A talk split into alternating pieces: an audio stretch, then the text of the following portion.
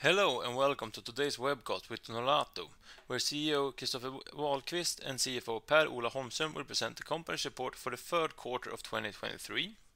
After the report, there will be a Q&A. So if you have any questions, press star nine, and you will be handed the word. And with that said, I hand over the word to you, Christer. Okay, thank you, and uh, good afternoon or good morning to all listeners. Uh, this is Christer Wahlquist uh, presenting the third quarter of 2023 for Nolato. Uh, on page two in the presentation deck, we summarize up the third quarter for the group, and our sales total to 2.3 billion Swedish kronor, and that is a 15% decrease if we adjust it for currency and acquisition. We saw an increased sales for medical and industrial solutions, but markedly lower volumes within the integrated solutions business area. Operating profit uh, amounted to 193 million, uh, excluding a non-recurring item of 60 million, corresponding to our uh, changes in our Chinese operations. That will give a margin of 8.2%, Eh, if we exclude a non-recurring item. Eh, 20 million in electrical eh, subsidies from Swedish authorities is included. The cash flow during the quarter after our investments rose to 188 million, excluding acquisitions. Uh, we uh, sustained a strong financial position, giving us the freedom to uh, create further acquisitions. Turning to page three, summarizing the three business areas and the group. So the first, the medical solutions business area, is now close to 60% of our total sales and more than 60% of our profit, amounted then to uh, a little bit more than 1.3 billion. Integrated solutions, we saw a dramatic decrease in sales, ending up at 330 million in the quarter with a low profit. Industrial solutions ended up at close to 700 million in third quarter, with an EBITA of 64 million. If we then start digging into the medical solutions business area, on this page, we can see a graph of the last 20 years' development of sales for the business area, and it's, uh, of course, growth and global expansions behind the scenes. If we look into the our focus product areas within the business area medical solutions, we have the in vitro diagnostic, approximately 15% of total sales.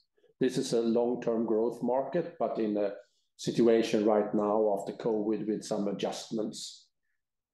Cardiology, it's a long-term, uh, it's mostly implant business, stable and a high-profile market to be in. Then we have our pharma packaging side, uh, which consists of uh, containers for liquid and solid drugs, approximately 13% of the business area. Continence care, approximately 11% of the total market. This is a high-volume market with uh, huge quantities. Endoscopy and general surgery, approximately 22% of the business area sales.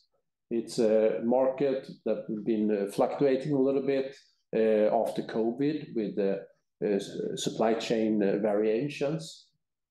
And then drug delivery systems at 14%, consisting of auto-injectors, delivery devices for long-term uh, injection of drugs into your system.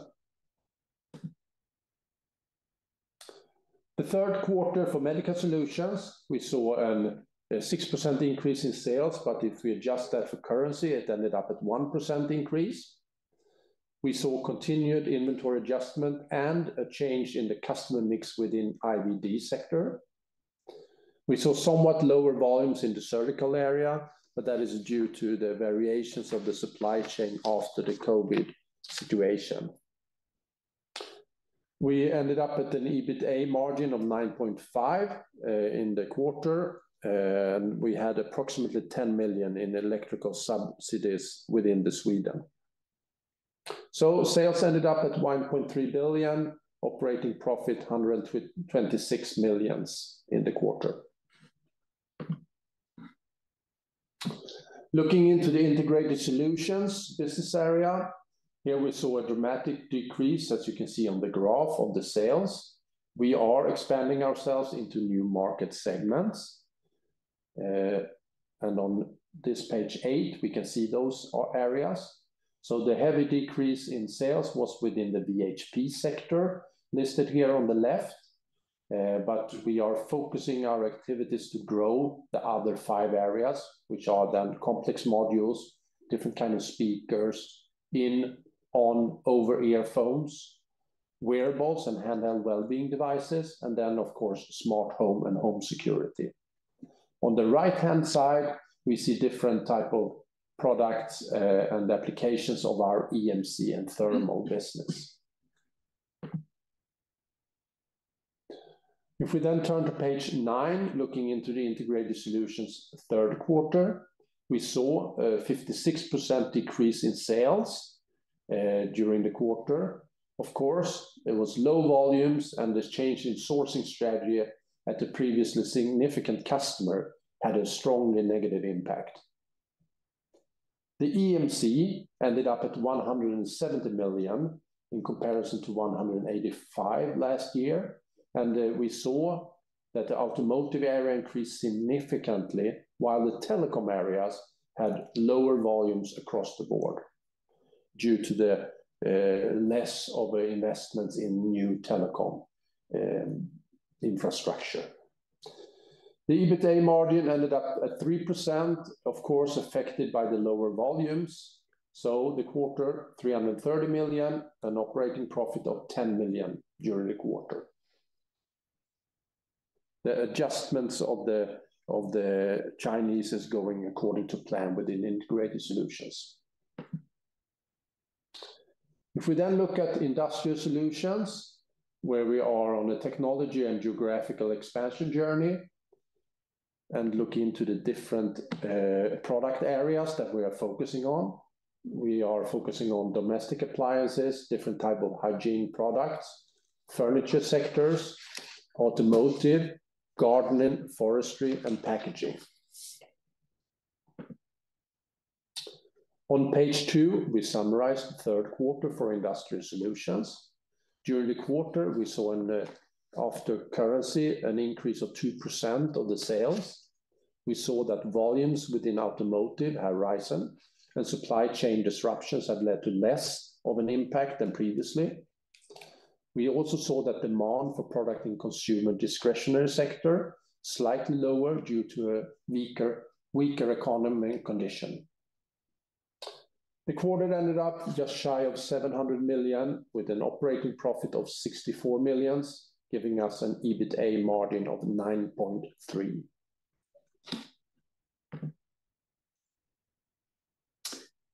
Good afternoon, Per-Ola Holmström, commenting on group financial highlights on page 13. Net sales decreased by 15%, adjusted for currency, to 2.3 billion. Operating profit, EBITA, excluding a non-recurring item, was 193 million, compared to 214 million last year. The non-recurring item of 60 million SEK is for concentrating the Chinese operations and was announced 24th of August. The EBITDA margin, excluding the non-recurring item, was 8.2%, similar to last year. The EBITDA and the EBITDA margin includes 20 million in electricity subsidies from Swedish authorities uh, that was received in Q3. Uh, we had good cash flow in Q3. It was 188 million, excluding acquisitions. We had favorable change in working capital and comparatively low investments in the quarter.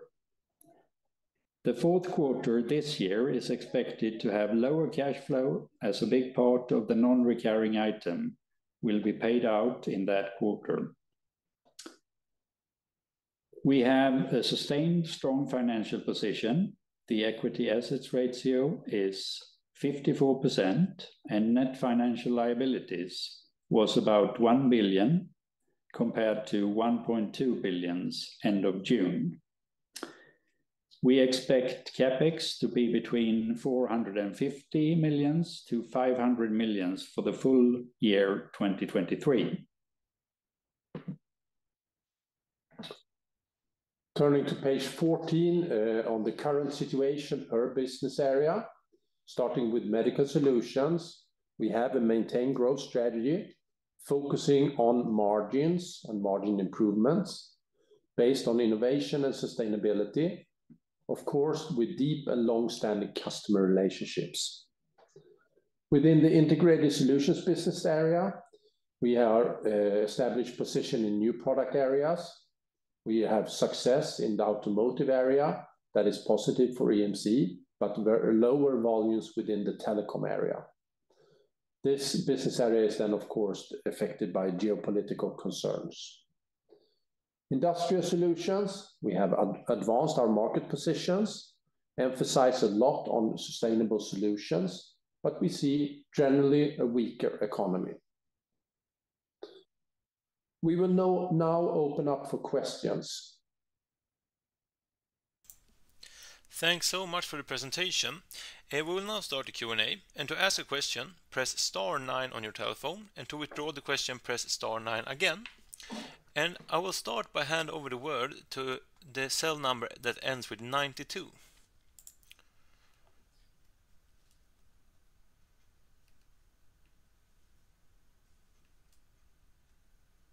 Hi, can you hear me okay?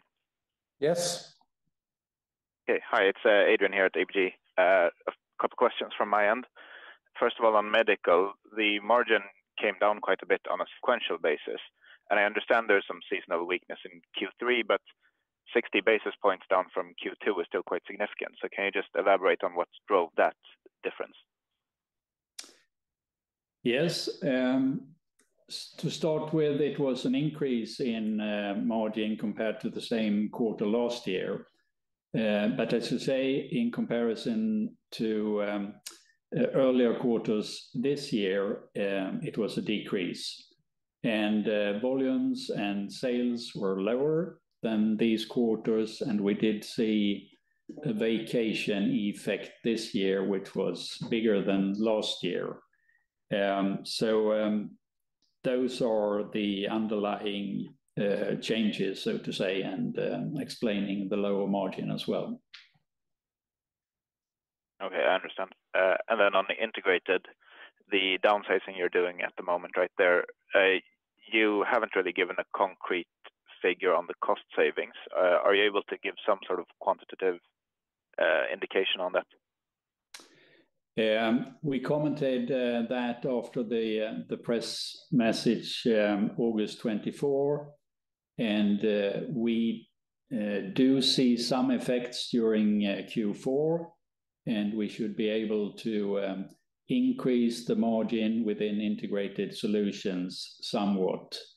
We will see gradual improvement of margins in Q4 and Q1 next year. And long term, we have the group um, target for margin 10% for consumer electronics as well. Okay. Uh, and then, uh, perhaps a bit of a detailed question. The net financials at 21 million in the P&L caught us a bit off guard, I think. Uh, are you able to sort of split out how much of this is just normal interest expenses, and if there are any other big line items, like derivatives or something, disturbing the comparison here? Uh, I'm just trying to figure out whether 21 million is a new normal or whether this number will be coming down in coming quarters. Uh, we expect that to come down. This quarter had um, a negative um, currency effect within uh, the financial items, and that was almost half of the finance um, cost in Q3. On the other hand, it was a positive change in Q2. So, um, it was a high number this quarter, definitely. Oh, okay, that's very helpful. Thank you. Uh, and then finally, from my end, uh, a more general question, since we've seen some of your peers start talking about supply contracts for these new auto-injectors for obesity medications, like Novo Nordisk's Wegovy. And obviously, this is expected to become a massive market, and I understand you won't comment on any potential contracts, but are you able to sort of give your general view on the space and whether you, as a supplier, meet the criteria to compete on these new contracts?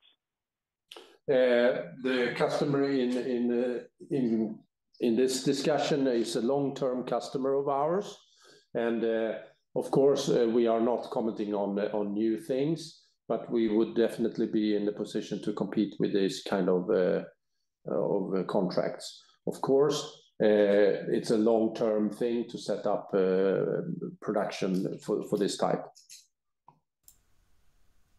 Okay. Um, I guess one small follow-up on that. Uh, as you mentioned, Novo, they are a long-term customer of yours that that we know. Can you give us any sort of figure of how big of a customer they are, and perhaps some color on what you may produce for them today? Um, That is a customer which is um, uh, on the top 10 list of our customers, but it's um, uh, in the end of that list, so to say. Um, so, uh, we have a long relationship, but it's not one of our largest customers. And just to be clear, we have no ongoing business with that kind of product you are referring to. Um, and maybe, Christer, you can explain- Yeah... what we do for them today. We are working with within their uh, insulin diabetes uh, care products. Okay, perfect. That's, uh, that's very helpful. Thank you. That's all from me. Thank you. So I will now hand over the word to the cell number that ends with 17.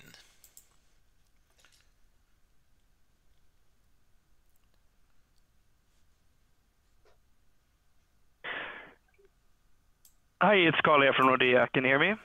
Yes. Okay, very good.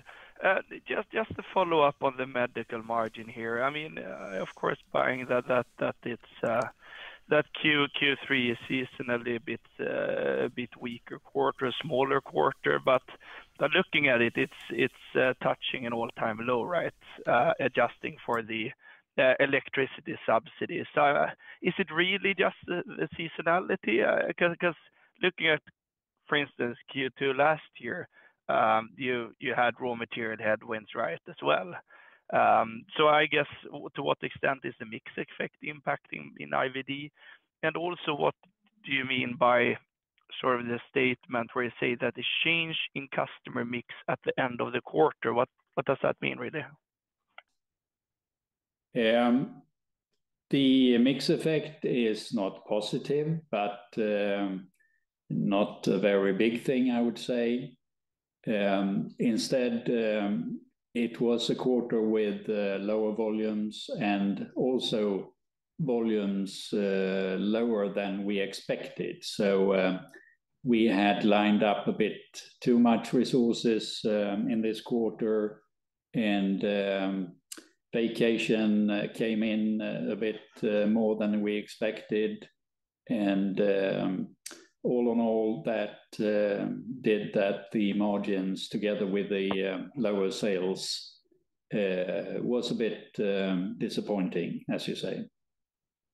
And uh, taking the second part of that question relating to the IVD and the changes, uh, it's the thing is we have there is a large Tier 1 player in the field that the OEMs tend now to find new ways to uh, supply themselves and uh, rather go directly to the producer, which is then uh, affecting short term some of the volumes in the market.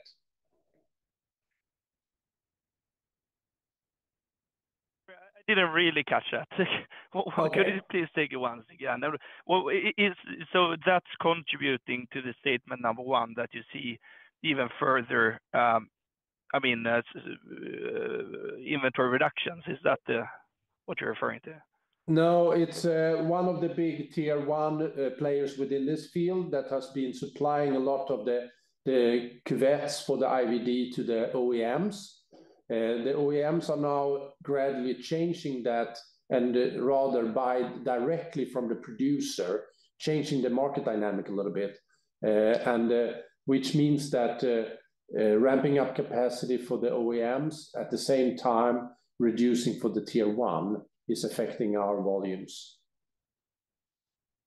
And how long will that last, do you think? And was it just in the uh, later part of the uh, quarter, meaning that we should see an even worsening effect entering Q4 here on volumes and of course, margins as well?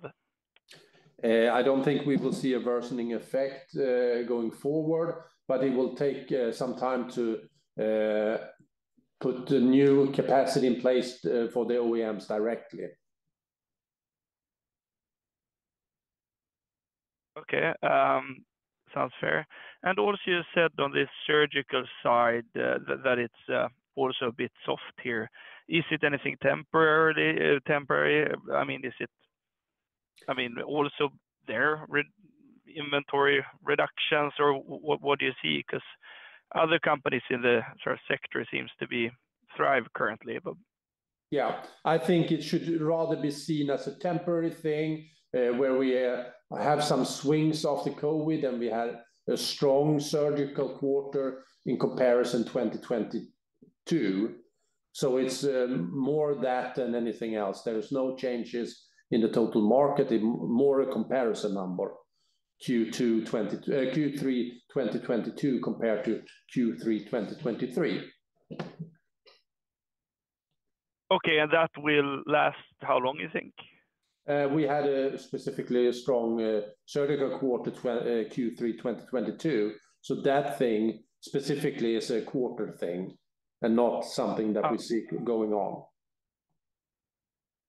Okay, um, and also finally, Uh, perhaps, um, you're talking about achieving synergies between industrial and integrated.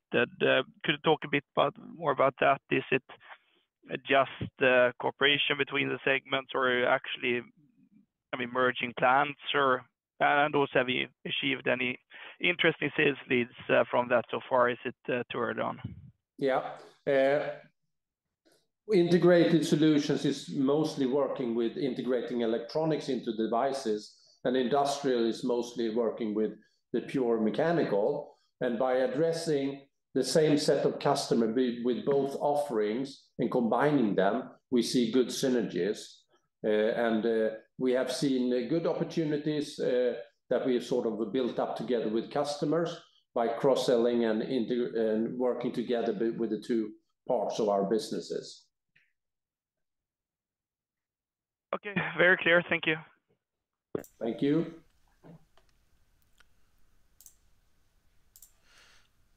So I will now hand over the word to the cell phone number that ends with 79.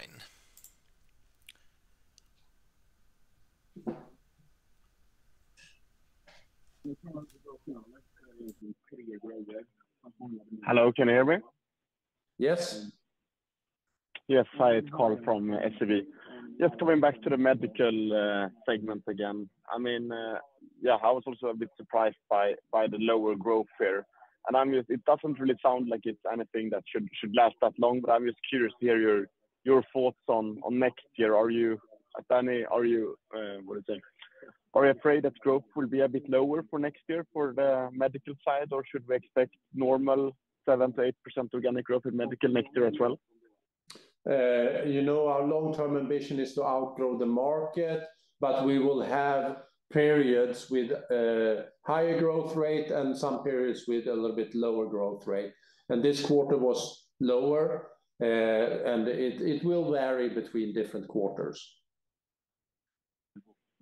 Okay, but the weakness in surgery, I mean, I guess that it was a lot that Uh, you pushed out a lot of uh, surgeries during the vacations last year, especially in the U.S., and that is now maybe not so much. Uh, so then I guess Q4 should be a bit better than, right? On the in terms of organic growth year-over-year?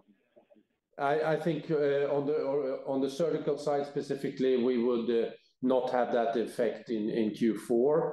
Uh, but then generally speaking, we are not giving prognosis on our growth quarter by quarter. Yeah. Okay. And then it's the question on the industrial side. I mean, uh, you mentioned that the outlook for some of the segments is weakening, but uh, automotive is still going strong. And we are seeing some signs I think in the market that auto demand maybe for 2024 looks a bit soft when the backlogs are being run through. Eh, Can you say anything about what you see in the automotive business and if you still see growth there in the coming quarters?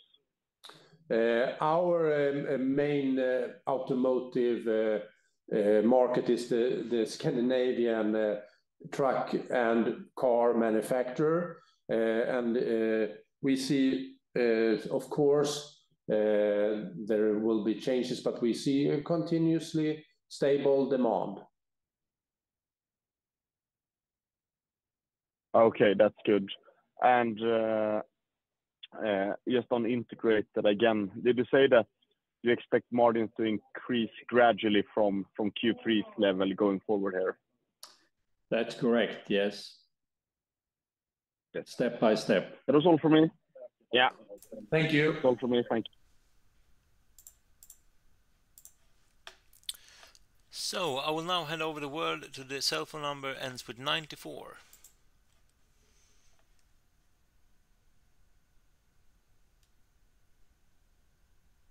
Hello, this is Johan from DNB Markets. Just a detailed question on the cash flow. Uh, so cash flow from financing came in at -265. Uh, could you please break down the components of this? Uh, could you repeat which cash flow you meant? Cash flow from financing in the quarter, please.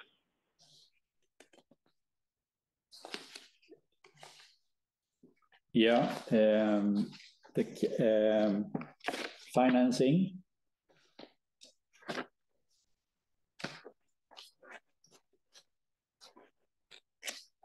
Yes, thank you. Um, that is coming from uh, repayment of um, uh, loans that we have made in the quarter, mainly from that. Okay, thank you.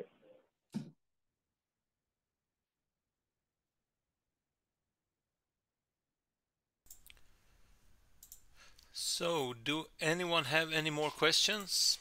If you have any more questions, please raise your hand now.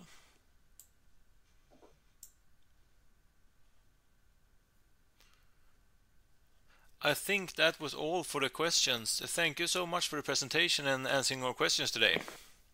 Thank you, and thank you all for being interested and listening to the presentation of Nolato's third quarter. We wish you all a very good rest of the day. Thank you.